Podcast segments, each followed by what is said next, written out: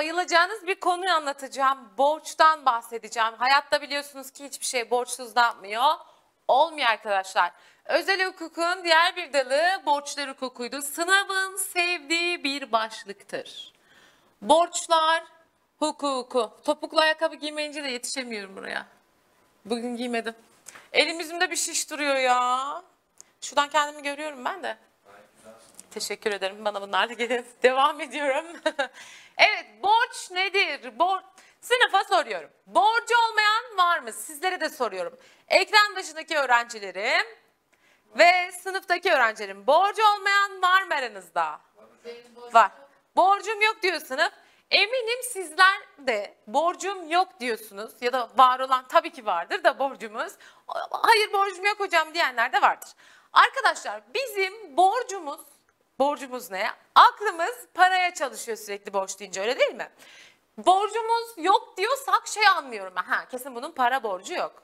Ama borç sadece o mu demektir acaba? Zeynep evli mi? Evli. Zeynep'in eşine ne borcu var? Sadakat borcu var. Belki askere gittin mi? Gitmiş. Gitmeseydi ne olacaktı? Beylerin ne borcu vardı? Vatan hizmeti borcunuz var arkadaşlar değil mi? Asıl borç öbür tarafta başlıyor diyenler var burada. Arkadaşlar borç deyince aklınıza sadece para gelmeyecek tamam mı? Her şey öyle para para para demeyeceksiniz. Bir şeyleri yapmak, yerine getirmek de bir borçtur. Tamam mı? O yüzden sadece parayı düşünmüyorsunuz. Ortada bir borç varsa bir şeyler yapılmıştır değil mi? Bir hukuki işlem sözleşme yapılmış olabilir. Birine zarar vermiş olabilirim. Şimdi borç nasıl ortaya çıkıyor? Borçlu taraflar kimler? Borç ilişkisinde nelere dikkat etmem gerekiyor? Hangi şeylere uymam gerekiyor? Ve borcu nasıl bitireceğim? Bu gibi şeylere bakacağız arkadaşlar. Tamam mı? Şimdi ortada bir borç varsa, borç nedir? Borç yiğidin kamçısıdır. Borç unsurları deriz arkadaşlar biz. Bir şeyde unsur yazıyorsa bu ismi taşıması için gereken özellikler. Borcun üç tane unsuru vardır. Bunlardan biri alacaklı. Alacaklı varsa karşısındaki kişi kimdir? Verecekli ya da borçlu deriz. Borçlu diyelim biz ona. Aralarındaki ilişkiye de diyoruz ki edim ilişkisi. Sınavda soruldu. Borç unsurları aşağıdakilerden hangisidir diye sordular. Alacaklı, borçlu ve edimli arkadaşlar. Şimdi hemen geliyorum. Bak şeyi bir kere daha hatırlatıyorum. Borç demek sadece para borcu demek değildir arkadaşlar. Şimdi kırtasiyeye gittim ve şu kalemi, kalemde iki varmış değil mi? Gittim satın aldım. Benim borcum ne? Kırtasiye bu kalemin parasını ödemek. Kırtasiyenin borcu ne? Bana bu kalemi teslim etmek. Tamam. Peki dershaneye kayıt oldunuz. KPSS'ye hazırlanıyorsunuz ve dediniz ki dershaneye gitmem lazım. Arkadaşlar dershanenin size borcu ne? Bir hizmet borcu var değil mi? Eğitim hizmeti borcu var. Sizin borcunuz ne dershaneye? Parasını ödemek, taksitleri ödemek ya da peşin ödemek gibi borcu vardır. Anlaştık mı burada? Alacaklı taraf, borçlu taraf ve edim. Edim nedir? Önce bir mantığını anlayayım sonra tanımını vereceğim. Çünkü edimin tanımı da sınavda soruldu arkadaşlar. Edim borcun konusunu oluşturur aslında bakın. Şunlar olabilir. Vermek, yapmak ya da yapmamak gibi şeyler düşünebilirsiniz. Vermek, yapmak ya da yapmamak da olabilir ediminiz. Su aldım, suyun parasını verdim. Tamam bak suyun parasını vermek burada edimim benim. Yapmak terziye dedim ki bana 34 beden bir elbise dik dedim. Terzi dedim de bana bir ne yapacak? Bir elbise yapacak. Ya da ahşaptan bir masa yapmasını istedim. Edimine bana ahşaptan bir masa yapması kişinin. Yapmamak da var arkadaşlar bazen edimlerin içinde. Komşum üstümde tepinip tepinip duruyor. Ne yapmak lazım? Şimdi ben rahatsız olur muyum bu durumdan? Rahatsız olurum tabii ki. Peki komşumun bunu ne yapmaması lazım aslında? Yapmaması lazım. Gece vakti yüksek sesle müzik dinlememek gibi. Anlaştık mı? Şöyle edim olur mu sizce? Uyuşturucu madde satmak. Bir edim konusu olabilir mi arkadaşlar? Satmaması lazım. Satmaması lazım aslında değil mi? Uyuşturucu madde satmak olmaz. İşte cinayet işlemek olmaz. Dikkat! Edimin konusu hukuka, ahlaka, adaba aykırı olamaz. Bir daha söylüyorum. Hukuka, ahlaka, adaba aykırı bir edim konusu Olamaz arkadaşlar. Ağaç budatmak bir edim midir? Evet bakın bu da bir edim konusu olabilir. Tamam mı? O zaman şimdi ben su almıştım ya biraz önce kantinden. Kantinden gittim suyu aldım. Benim borcum ne? Suyun parasını vermek. Kantinin borcu ne? Bana suyu teslim etmek. Bir taraf alacaklı. Bir taraf ne burada? Borçlu. Tanım şudur edimin dikkat. Aralarındaki mevcut borç ilişkisi sebebiyle alacaklının borçludan talep edeceği, borçlunun da yerine getirmekle yükümlü olduğu davranışa biz ne diyormuşuz? Edim diyormuşuz arkadaşlar. Bir kere daha söylüyorum edimin tanımı önemlidir. Aralarındaki mevcut borç ilişkisi sebebiyle alacaklının borçludan talep edeceği, borçlunun da yerine getirmekle yükümlü olduğu davranışa ben ne diyorum? Edim diyorum. Anlaştık mı? Bence anlaştık. Peki kişi bu borca girdi ya neyiyle sorumlu olacak? Borç ilişkisindeki sorumluluk durumu nedir? Arkadaşlar kişi bir borca girmişse mal varlığıyla sorumlu olabilir değil mi baktığınız zaman? Şahıs varlığıyla vücut bütünlüğüyle sorumlu tutulabilir mi? Hayır.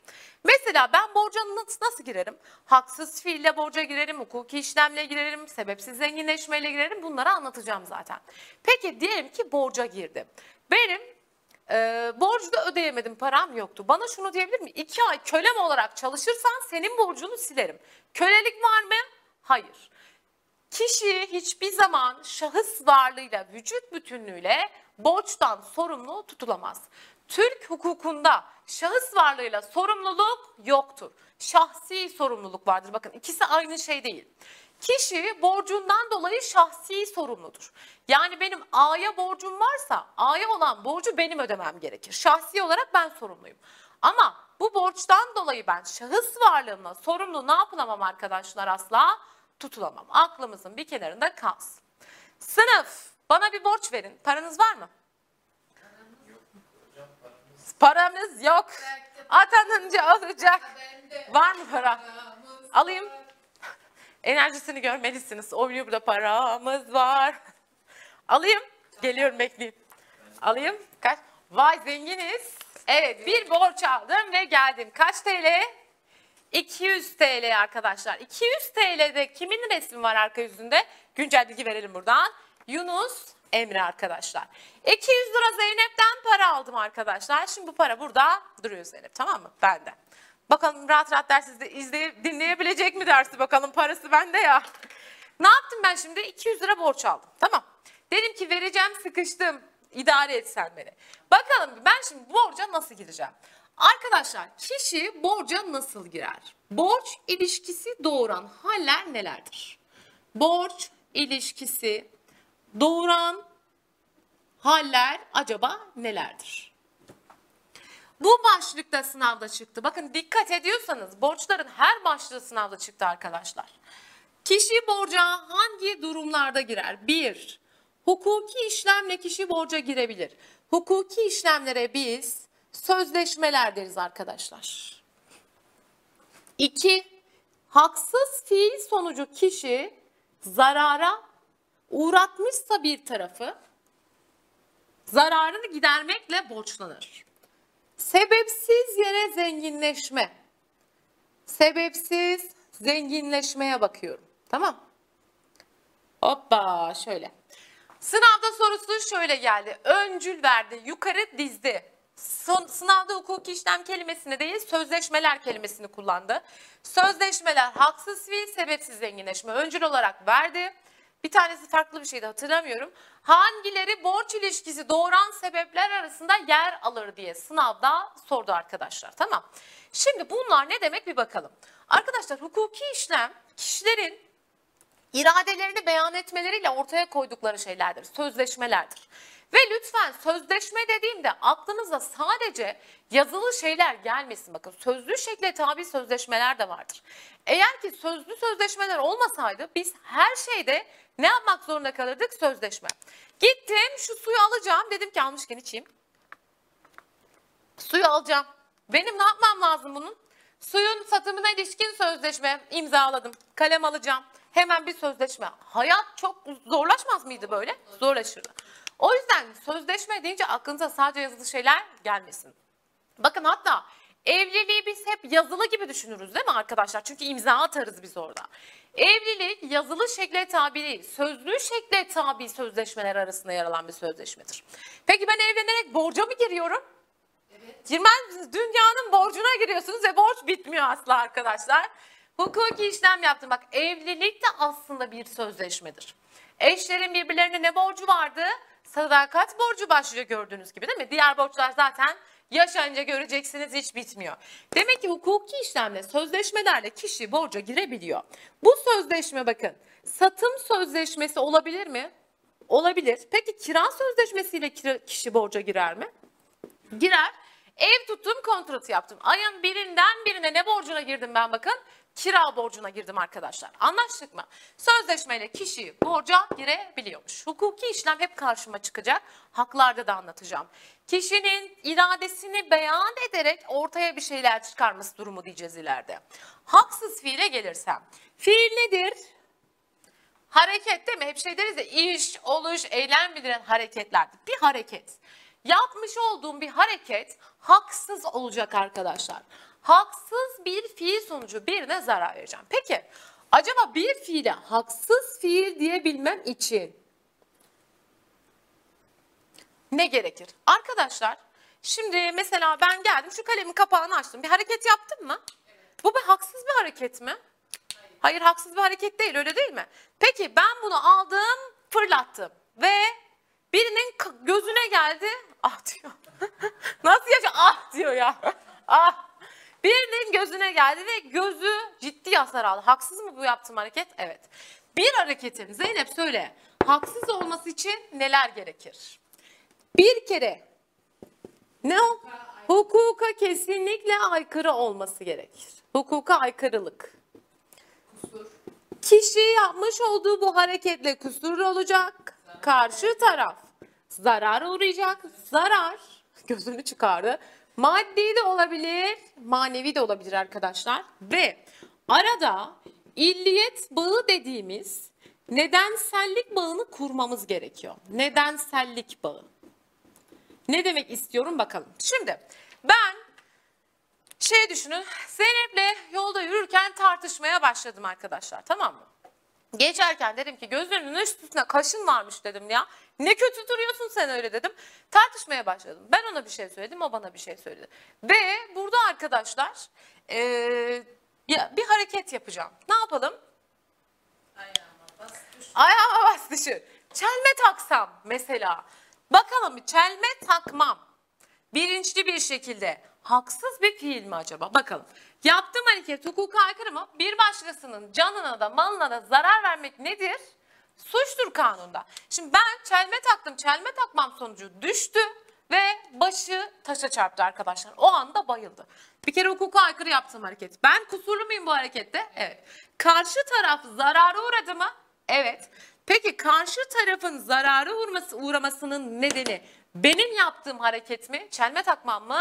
Evet çelme takmam. Gördüğünüz gibi ben burada peki nasıl bir borca girdim arkadaşlar? Burada kişi Şimdi bana şunu söyleyebilir mi? Ee, mesela bu kişinin hani daha önceki örneklerimizde vermiştik ya bir reklam yüzüydü hani bir makyaj markasının.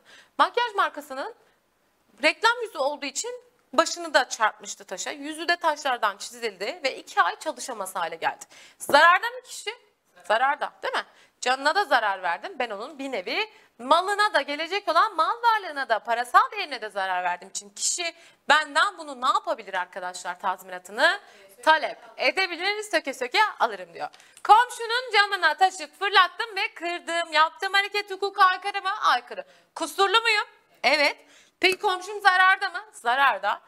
Nedensellik bağı var mı? O camın kırılmasının nedeni benim attığım taş mı? Evet. O zaman haksız fil komşum camımı taktır der mi? Der. Anlaştık mı arkadaşlar? Sebepsiz zenginleşmeye geliyorum arkadaşlar. Şimdi sebepsiz zenginleşme ne demek acaba? Zenginleşmenin sebepsizi mi olur? Zenginleşsek nasıl olur? Zeynep. yollardan zengin. Hani her yoldan zenginleşebilirsiniz. Şimdi burada arkadaşlar sebepsiz zenginleşmeyi aklınıza şöyle kodlayın. Havadan para girecek. Cebime havadan para giriyor benim. Bir kere sebepsiz zenginleşmeden bahsedebilmem için bir takım unsurların bir arada bulunması gerekir arkadaşlar. Nedir bu unsurlar? Ben zenginleştiğimi söylüyorsam, diyorum ki ben 10 lira zenginleştim. Bana diyor ki hukuk, sen zenginleştiysen karşındaki de fakirleşmiştir. Sen onu fakirleştirmişsindir diyor. Demek ki bir taraf zenginleşirken bir taraf ne yapacak? Fakirleşecek arkadaşlar. Zenginleşen kişiyle fakirleşen kişi arasında illiyet bağının kurulması gerekir. Yani diyor ki neden sonuç ilişkisini aralarında senin bunu yakalaman gerekiyor diyor. Nedensellik bağı yine. Bir de zenginleşen kişinin haklı bir sebebinin bulunmaması gerekecek. Tamam. Haklı bir sebebi dikkat bak bulunması değil bulunmaması diyorum arkadaşlar. Şimdi hemen duruyorum. Mesela Berk. Berk sen bir yerde çalışıyorsun tamam mı? Arkadaşlar şimdi geliyorum. Bu Berk. Berk bir yerde A firmasında çalışsın. Berk'in maaşı yatacak. Berk 5000 maaş alıyor tamam mı? 5000 TL maaş alıyor. Yanlışlıkla arkadaşlar Berk'in hesabına 5000 yerine bir sıfır fazla yazdıkları için Berk'in hesabına 50.000 TL para yattı. Ah! Şimdi bak burada Berk ne kadar kazanması gerekiyordu? 5000. Berk ne kadar kazandı? 50 bin. Berk ne kadar fazla zenginleşti? Bak 45 bin cebine havadan, fazladan ne yaptı? Para girdi baktığınızda. Hemen unsurlara geliyorum. Berk 45 bin ne yaptı? Zenginleşti. A firması 45 bin ne yaptı? Fakirleşti. A'nın kasasından gitti. Peki birbirlerinin nedeni mi bunlar? Yani Berk'in zenginleşmesi A'nın fakirleşmesine neden oldu mu? Ya da A'nın fakirleşmesi ben, Berk'in zenginleşmesine neden oldu mu? Evet. İlliyet bağı da var. Şimdi burada peki Berk'in borcu ne? Diyor ki haklı bir sebebi bulunmazsa Berk borçlu olur burada. Belki burada sen haklı bir sebep bulabilir misin kendine? Yani ya ne olacak canım 45 bin de ne olacak sanki 50 bin zam yapıverin. Böyle bir açıklama olabilir mi? Hayır. Belki neyle borçlu arkadaşlar şimdi? Belki burada neyle borçlu? 45 bini A firmasına ne yapmakla borçlu? İade etmekle borçlu hale geliyor. Anlaştık mı? Ya da şey olur ya e, mesela hesap numarasını karıştırıp bir başkasının bana yatıracağınız parayı hesap numaramı yanlış yazdınız ve başka birine gitti. Öğrencilerde çok oluyor bu arkadaşlar. Şehir dışındasın, üniversite okuyorsun, aileden para gelecek. Para bekliyorsun, para bekliyorsun. Zeynep ben senin şimdi annenim tamam mı? Göndereceğim yavrum dedim. Söyle ne kadar istiyorsun dedim. Ve Zeynep'e gönderdim. Zeynep'e de dedim ki kızım yolladım parayı. Bakıyor bakıyor para yok, bakıyor bakıyor para yok. Hesap numarasını yanlış girdim diyelim ki. Ne oldu? Zeynep'e değil de Fatma'ya gitti. Fatma ne yaptı? Bak haksız yere, sebepsiz yere ne yaptı? Zenginleşti. Şey hatırlar mısınız? Bir ara kontür yüklemeler yapılıyordu. Kontür yüklediniz mi hiç telefonunuza? Ben onu bir kere yaptım. Çok komik de duruma düşmüştüm. Tabii o zaman küçüğüz. Kontür yükleniyor o zamanlar arkadaşlar böyle. Kontür yükleyeceğim. Telefon numarasını yani bir şeyi yanlış yapmışım. Neyi yaptığımı da bilmiyorum. Küçüğüz. Küçüğüz ama telefonda kullanıyoruz yani. Ee, yükledim. Ondan sonra yok gelmedi. Allah'ım nasıl üzülüyorum ama. 20 liralık mı yükledik? 5 liralık mı hatırlamıyorum bile yani. Burada sonra numaraya şey yaptım, mesaj attım. Yanlışlıkla size yüklenmiş. Ne olursunuz geri gönderebilir misiniz dedim. O da geri gönderdi ama 20 liraysa mesela kontür 2 SMS falan gidiyordu ya o zaman. Onun şeyini düşmüş de yollamış. 20 ise 18 yollamış falan. Dedim Allah razı olsun ya. O zaman ne kadar önemli bizim için değil mi kontürler? Peki şu bir sebepsiz zenginleşme midir? Şimdi ben yolda gidiyorum. Belki beni geniş kameradan alır mısın göstereceğim. Şimdi şurası benim cebimmiş tamam mı? Cebimde ne var? Para var. Ben yolda yürüyorum. Arkadan bir el, bu benim elim. Şöyle döndürebileceğim. Geldim ve ben yürürken bu parayı böyle çekti. Tamam Aldı hırsız gitti. Emeklerimi çaldı. 200 TL mi? Ben bakkala gittim bir şey alacağım. Bir baktım ceplerim bomboş. Ben ne yaptım arkadaşlar? Yandı. Yandım. yandım yandım. Fakirleştim mi? Fakirleştim. Ne yaptı o hırsız pisliği? 200 TL zenginleşti. Değil mi? Ne yaptı? Borç ilişkisi doğdu aramızda. O parayı bana ne yapması lazım geri? Paranın da bir gidesi var herhalde. O parayı bana getirmesi lazım. Hırsızlık da bir sebepsiz zenginleşmedir arkadaşlar. Anlaştık mı? Demek ki hangi durumlarda borç doğuyormuş? Bir kere daha toparlıyorum. Hukuki işlem, haksız fiil ve sebepsiz zenginleşmeyle borç ilişkisi karşımıza çıkıyor arkadaşlar. Peki. Para dursun vereceğim. Para bana lazım şimdi. Arkadaşlar burada borç ilişkisine girdik. Peki ben borcu gecenin bir yarısı ödeyebilir miyim? Zeynep'ten aldım ya 200 TL'yi. Gecenin üçünde gittim Zeynep'in ziline bastım. Bu borcu sana ödemeye geldim. Bu yaptığın şey, şey sizce dürüst bir şey mi? Düzgün bir şey mi? Hayır. Ya da şey düşünün 10 bin lira borcum var benim belki. Belki bu 10 bin lirayı ben 1 TL 1 TL 10 tane kovada veriyorum. Belki ne yaparsın bana? Küfür eder herhalde söyleyemiyorum şimdi utandı ama. Hoş bir şey mi? Hayır arkadaşlar. Ya da birinden borç verdim. İstediğim yerde ödersin borcu. O adam buraya gelip bu borcu ödeyecek gibi havalara girebilir miyim? Hayır. Sözleşme yapmada birini zorlayabilir miyim? Hayır.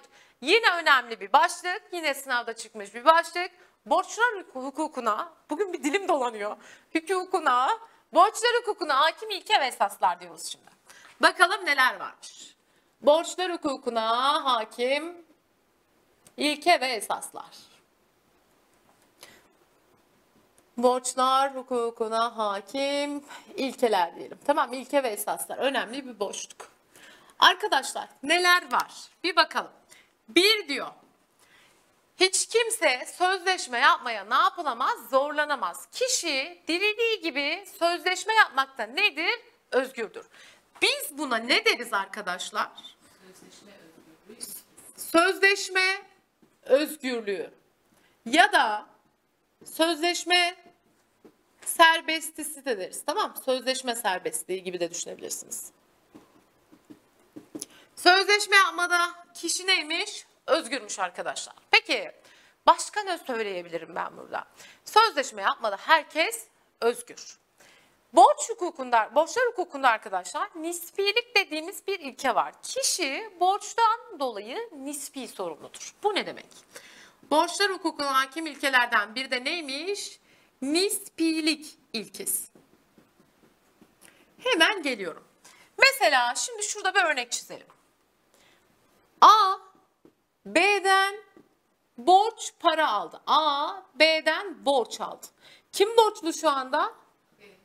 A B'den borç aldığına göre A mı borçlu? Yanlış mı söylüyorum? A B'den borç para aldı. Kim borçlu? A, A borçlu. Burada geri bu parayı kimden isteyebilir sadece? A'dan. Öyle değil mi? Nispilik ilkesi bunu söylüyor işte. Nispi kısmen demek ya. Aranda borç ilişkisi kiminle kurulmuşsa ondan talep edebilirsin. Dershaneye kay- kayıt olacaksınız diye senet imzaladınız arkadaşlar. Dershane o ücreti, parayı kimden isteyebilir? Yalnızca senede kim imzalamışsa ondan isteyebilir. Nispilik ilkesi bunu söylüyor. Borç ilişkisi karşılıklı ya. Karşındaki kimse ondan talep edebilirsin diyor. Anlaştık mı? Başka ne söyleyebiliriz? Kusurlu sorumluluk ilkesi. Kusurlu sorumluluk ilkesi. Bu ne demek kusurlu sorumluluk ilkesi? Arkadaşlar kişi bir borca girmişse o borç yaptığı hareketten dolayı kusurlu olduğu için borca girmiştir. Haksız fiile baktığınızda yaptığım harekette de kusur yok muydu? Cama taş attım, kırdım ve kişinin bu borçtan dolayı kusurlu olduğunu ne yapıyor?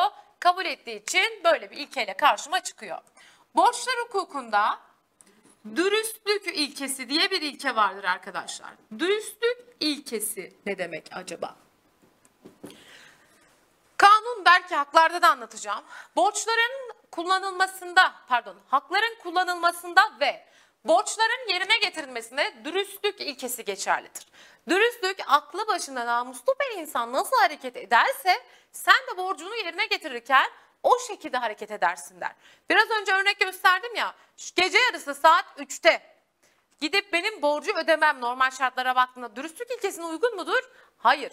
Ya da 10 kova bozuk parayla gidersem uygun mudur? Hayır. Borcu öderken kişi dürüst davranmalıdır. Bunu söylüyor arkadaşlar. Diğer bir ilkemiz borçlar hukukunda İvazlılık ilkesi dediğimiz bir ilke. İvazlılık karşılıklılık demek. Karşılıklılık ilkesi. Ne demek peki ivazlılık ilkesi? Arkadaşlar bir borç varsa o borç nedir? Karşılıklıdır. Öyle değil mi? Mesela eşlerin sadakat borcu var dedim. Karı koca arasında karşılıklı mıdır bu borç? Evet.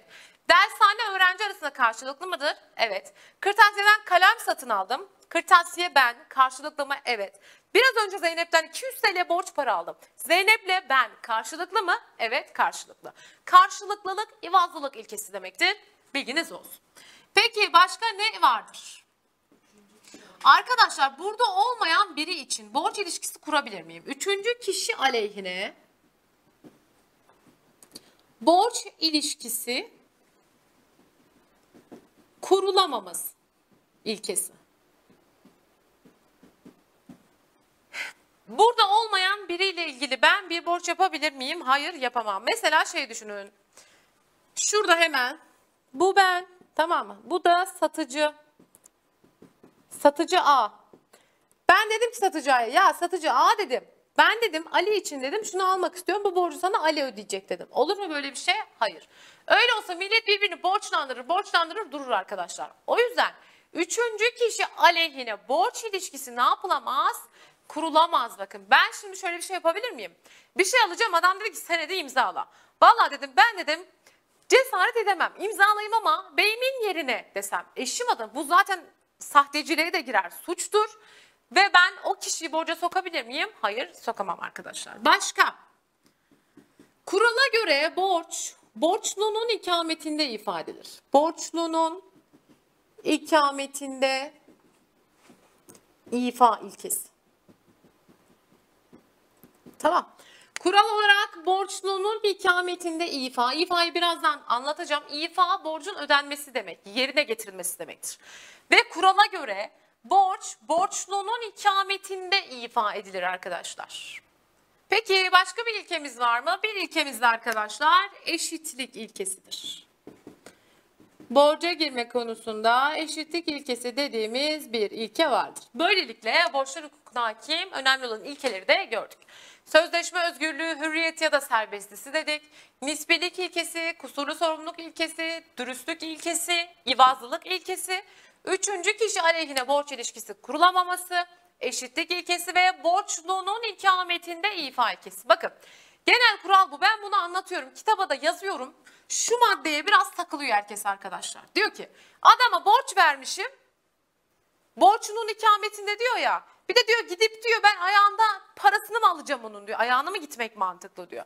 Şimdi burada diyor yani borçlunun ikametinde ifade. Aslında burada borçlunun ikametinden kasıt borcun doğmuş olduğu yer arkadaşlar. Tamam mı? Yani ben kişiye borcu verdiğim yerde diyor kurala göre alınır.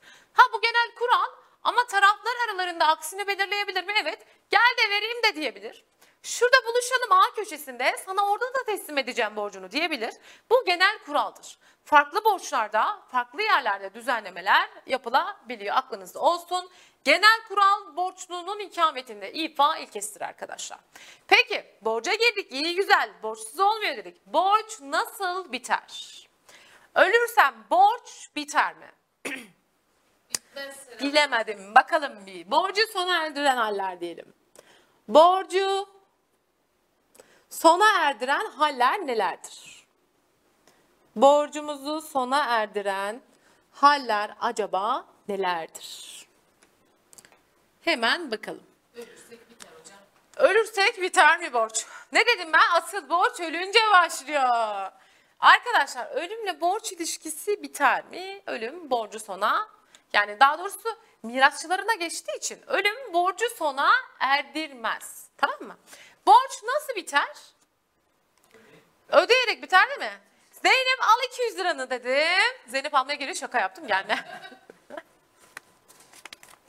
Şimdi arkadaşlar ödersem al dedim Zeynep 200 liranı al dedim Zeynep al. Aa, Zeynep alma Zeynep şaka. Heh, benim elimden çıktı ifa ettim. Bak şimdi dikkat edin. Burada borcun ödenmesine biz ifa deriz arkadaşlar tamam mı? İfa ne demekmiş? İfayı bilelim. İfa yerine getirme borcun ödenmesi demektir bu. Peki edimle nasıl ayıracağım ben bu ikisini? Edimle. Edim neydi? Borç ilişkisinde kişinin yapmakla yükümlü olduğu davranış edimdi. Yapmam gereken edimken yaptığım hareket ne benim? İfa. Cebimden çıkardım hop parayı verdim. Ne yaptım borcumu? İfa ettim arkadaşlar. Anlaştık mı? Peki ben bu borcumu yerine getirmekte acaba sürelerim var mı? Biliyorsunuz ki vade diye bir kavram var arkadaşlar değil mi? Vade dediğim şey ne? Süre. Bana tanınan süre. Burada testlerde bazen karşınıza iki kavram çıkıyor. Muaccel borç ve müeccel borç diye ikili bir ayrım var. Peki bu ne demek? Hemen şurada gösterip sileceğim bunu tekrar. İyi bakın.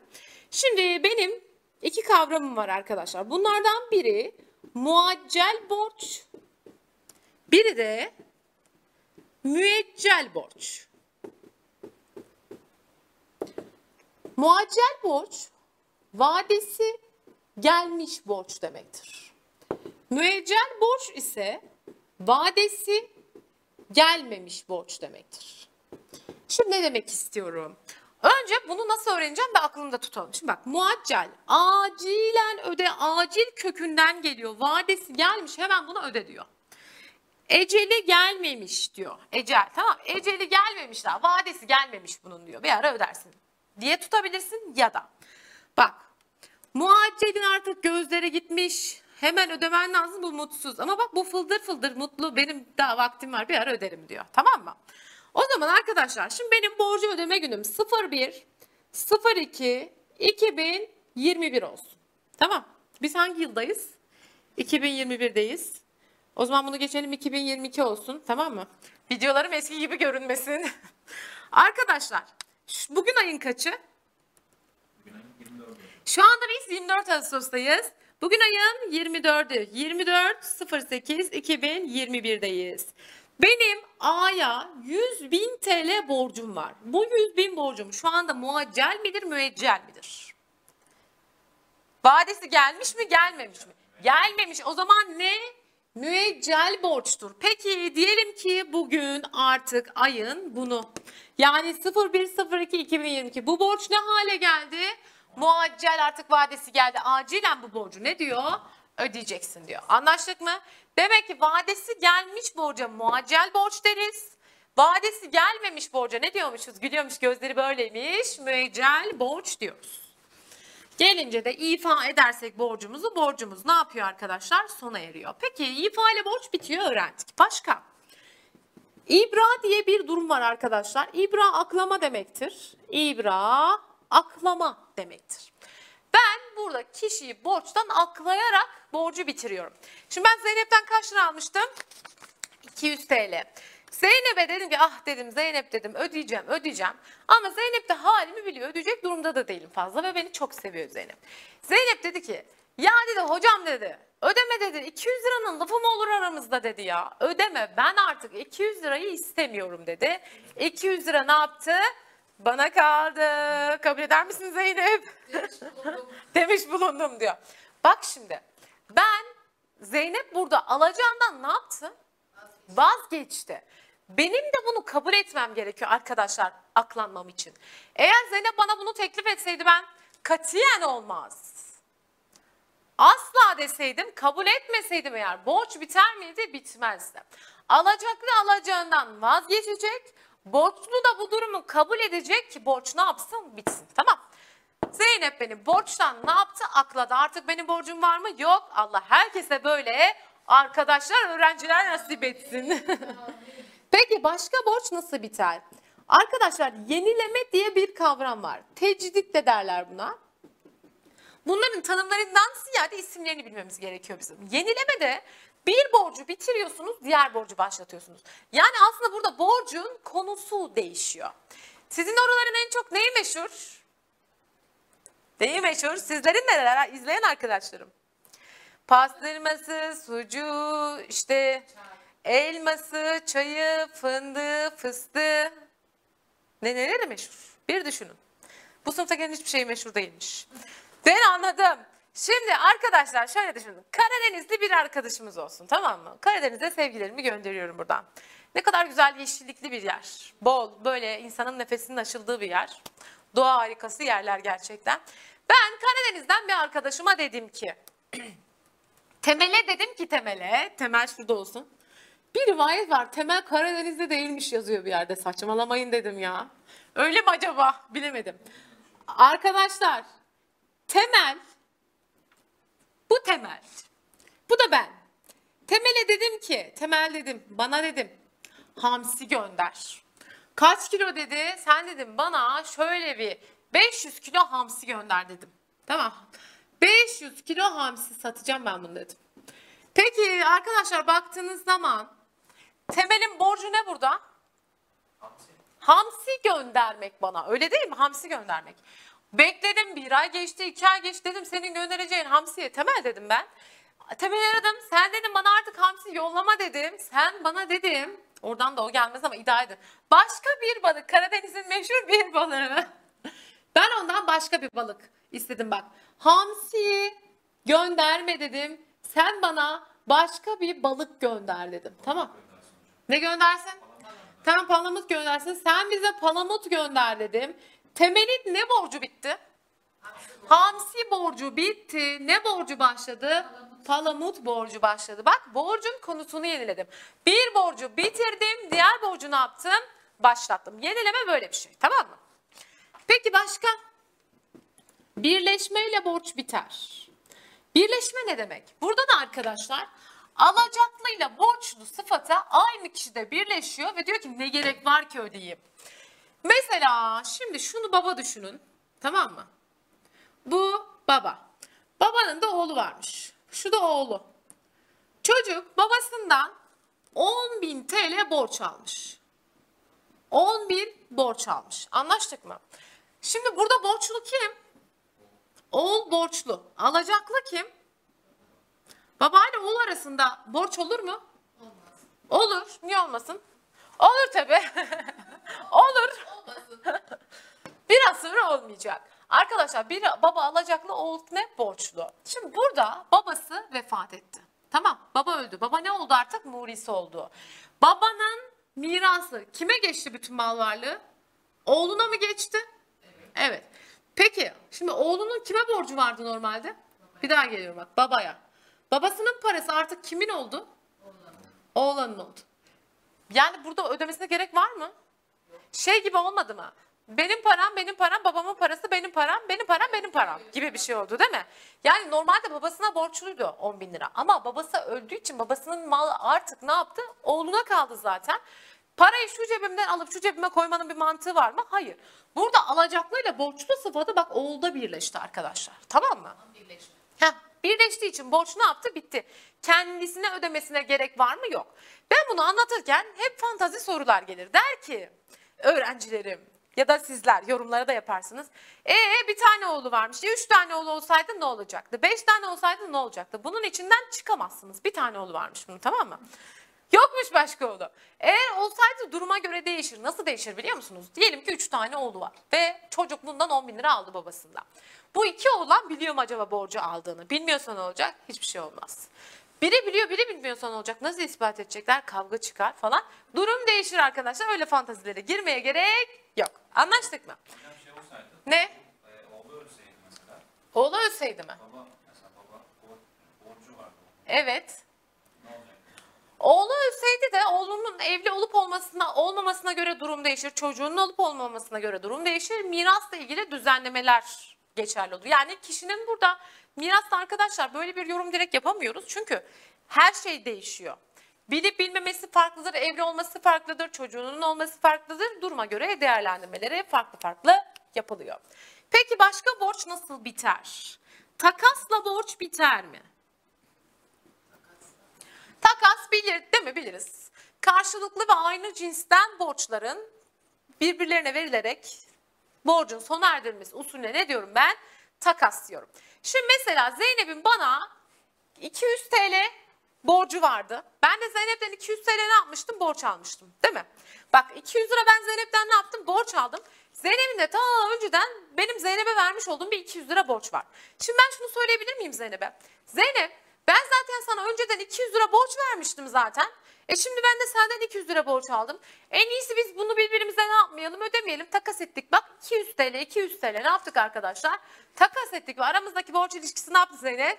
Bitti Zeynep borç ilişkisi bitti. Artık 200 TL benim. tamam mı? Peki başka nasıl borç biter? Arkadaşlar kusursuz imkansızlık diye bir şey var. Kusursuz imkansızlık borcu sona erdirir. Niye erdirir? Şimdi önce imkansızlık ne demek? Bir şeyi istesen de yapamazsın. Artık ortadan kalkmış mümkün değil yapman diyor. Ama diyor senin burada bir kusurun yok. Yani borcu ödemeniz imkansız hale geliyor. İsteseniz de o borcu ödeyemeyecek hale geliyorsunuz arkadaşlar. Ama bunda sizin bir kusurunuz yok. Kusurun yoksa hukuk diyor ki borç sona erer.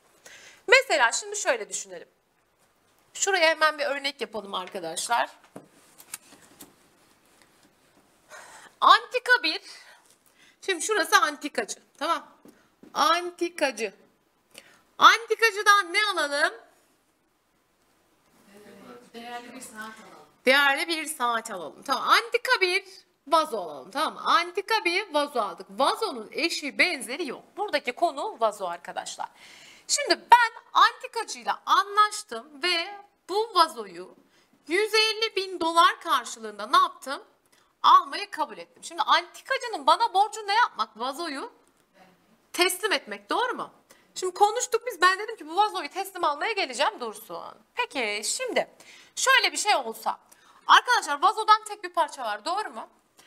Bir tane B kişisi geldi ve dedi ki bu vazoya vuruldum dedi. Benim bu vazoyu almam lazım. Ben bu vazoya 250 bin dolar veririm dedi.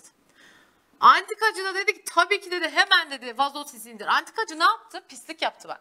Niye pislik yaptı? Bana söz vermişti 150 bine o vazoyu ben alacaktım. Ama gitti ne yaptı? 250 bine veririm dediği için başka birine ne yaptı? Sattı arkadaşlar. Artık antikacının bana bu vazoyu teslim etmesi imkanlı bir şey mi imkansız bir şey mi? İmkansız. Peki antikacı kusurlu mu kusursuz mu? Kusurlu. Bak dur şimdi. Buna sattığı için antikacı burada ne arkadaşlar? Kusurlu. Burada kusurlu. İmkansız ama kusurlu. Çünkü ben onunla anlaşmışım, sözleşmeyi yapmışım, paranın bir kısmını vermişim. Ben burada antikacıya dava açarım arkadaşlar. Niye? Söz vermişti, sözleşme yapmıştık. Bu adam burada kusurlu gitti başka birine sattı. Beni maddi manevi zarara uğrattı. Ben bu vazo- vazoyla bir ticaret işi yapacaktım ve işim onun yüzünden aksadı, zarara girdim deyip dava açabilir buna. Tamam. Bak kusurlu imkansızlık borcu bitirmiyor demek ki burada. Ama şöyle olsaydı arkadaşlar konuştuk alacağız. O gece deprem oldu. Ve deprem sonrasında artık vazo yok. Vazo yok. Peki bu vazoyu bana teslim etmesi mümkün mü? İmkanlı mı imkansız mı? İmkansız. Peki bu adam kusurlu mu kusursuz mu artık? Kusursuz imkansızlıkta işte borç biter. Ben bu adama şunu diyemem. Ya sen nasıl sahip çıkamadın depremde nasıl kırdırdın bu vazoyu diyebilir miyim? Hayır asla diyemem arkadaşlar tamam mı? Demek ki bakın kusursuz imkansızlık varsa kişi kusurlu değilse borç ne yapıyor bitiyor. Yani ille de isterim ille de isterim o vazoyu diyebilir miyim ben? Hayır diyemem. Anlaştık mı? Şimdi bir şeye dikkat etmenizi istiyorum. Bak şurada kusurlu sorumluluk ilkesi diye bir ilke var. Kişi borcundan dolayı kusurlu olduğu kabul edilir ki borca girer kişi diyor. Doğru mu? Bu farklı bir şey, bu farklı bir şey. Lütfen ikisini karıştırmayın. Kusurlu sorumluluk ilkesi borçlar hukukuna hakim ilkelerden biriyken kusursuz imkansızlık borcu sona erdiren hallerden bir tanesidir arkadaşlar. Peki şimdi geliyorum. Dikkat edin buraya. Zaman aşımı ne yapar? Arkadaşlar zaman aşımı bazı kaynaklarda borcu sona erdirir yazar ama yanlış. Çünkü zaman aşımı borcu eksik borç haline getirir. Talep edilemeyen bir borç haline getirir. Ne olduğunu anlatacağım şimdi. Zaman aşımı borcu eksik borç haline getirir. Haline getirir. Tamam mı? Eksik borç demek talep edilemeyen borç demektir. Talep edilemeyen borç demektir. Mesela bunlardan birine kumar borcunu örnek verebiliriz arkadaşlar. Kumar borcu zaman aşımı anlamında söylemiyorum kumar borcunu yanlış anlamayın. Kumar borcu eksik bir borçtur. Yani talep edilemeyen bir borçtur hukuki yollarla aslında baktığınızda. Kumar alacağım var alamadım deyip dava açılabilir mi sizce? Hayır oynamasaydın oynamaz olasıca derler sana. Şimdi burada bizde arkadaşlar genel bir zaman aşımı süresi vardır. Genel zaman aşımı süresi istisnaları saklıdır tabii ki. Genel zaman aşımı süremiz 10 yıldır. Benim bir yerden alacağım varsa genel zaman aşımı süresi çatısı altındaysa ben onu 10 yıl içinde ne yapmalıyım? İstemeliyim. Nasıl oluyor biliyor musunuz bak? Çizecek yer kalmamış. Şimdi şu kişinin şu kişi Berk olsun tamam mı? Berk sen bir yerden alacağın var. Şu X köşesinden bir alacağın var. Berk'in bunu kaç yıl içinde istemesi lazım? Genel zaman aşımı süresine göre 10 yıl içinde istemesi lazım. Berk'in 10 bin lira alacağı vardı. Berk de bu parayı istememiş, istememiş, istememiş. 2010 yılından olan bir alacağıymış. Yıl gelmiş 2021'e Berk'in daha yeni aklına gelmiş. İlk X köşesinden benim 10 bin alacağım vardı demiş. Gitmiş X köşesinin kapısına kapıyı çalmış. Tık tık demiş. Gel demişler. Gitmiş. Benim sizden ta 2010 yılından kalma 10 bin TL bir alacağım vardı. Onu almaya geldim demiş. İlk sona ne der? Hoş geldin. Hoş geldin. İlk sonra şunu demez mi arkadaşlar? Şimdiye kadar aklın neredeydi? 10 yıl geçmiş, 11 yıl geçmiş. Ağzını açacağına gözünü açıp da paranı alsaydın be Berk der. Tamam mı? O yüzden şimdi bak burada Berk bu parayı talep eder de onlar öder mi? Ödemek zorunda değil. Diyelim ki ödemediler. Berk şunu dedi. Sizinle mahkemede görüşürüz. Mahkemeye gitti. Hakim ne der? Kardeşim bu borç artık zaman aşımına uğramış. Sen bunu dava aracılığıyla talep edemezsin. Yani artık bu ne? Eksik bir borç. Talep edemeyeceğin bir borç haline gelmiş. Çünkü süresi geçmiş bunun diyor. Berk dedi ki peki hiç mi alma şansım yok? X'in keyfi bilir dedi. İster öder, istemezse ödemez. Ama sen benden gelip de bunu dava yoluyla artık ne yapamazsın dedi. Talep edemezsin dedi. Anlaştık mı? Demek ki zaman aşımı borcu ne yapıyormuş? Eksik borç haline getiriyormuş. Şimdi şuna dikkat edin. Soru şu. Hangisi bona, borcu sona erdiren hallerden biri değildir diye sordu. İfa erdirir mi? Evet. İbra evet. Yenileme, birleşme şıklara getirdi. Kusurlu imkansızlık yazdı. Sona erdirir mi? Hayır. Dikkat edin şuraya not olarak yazıyorum.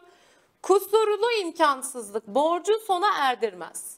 Kusurlu imkansızlık borcu sona erdirmez. Lütfen unutmayın. Zaman aşımı da borcu ne yaparmış? Eksik borç haline getirirmiş. Arkadaşlar böylelikle tamamladık. Şimdi bir toparlayacağım borçlar hukukunu. Yine söylüyorum çok önemli bir başlık bak. Edim soruydu. Bu başlık soruydu. Bu başlık soruydu. Bu başlık hatırlayamadım ya çıktı mı çıkmadı mı. Lütfen dikkat ediyorsunuz tamam mı?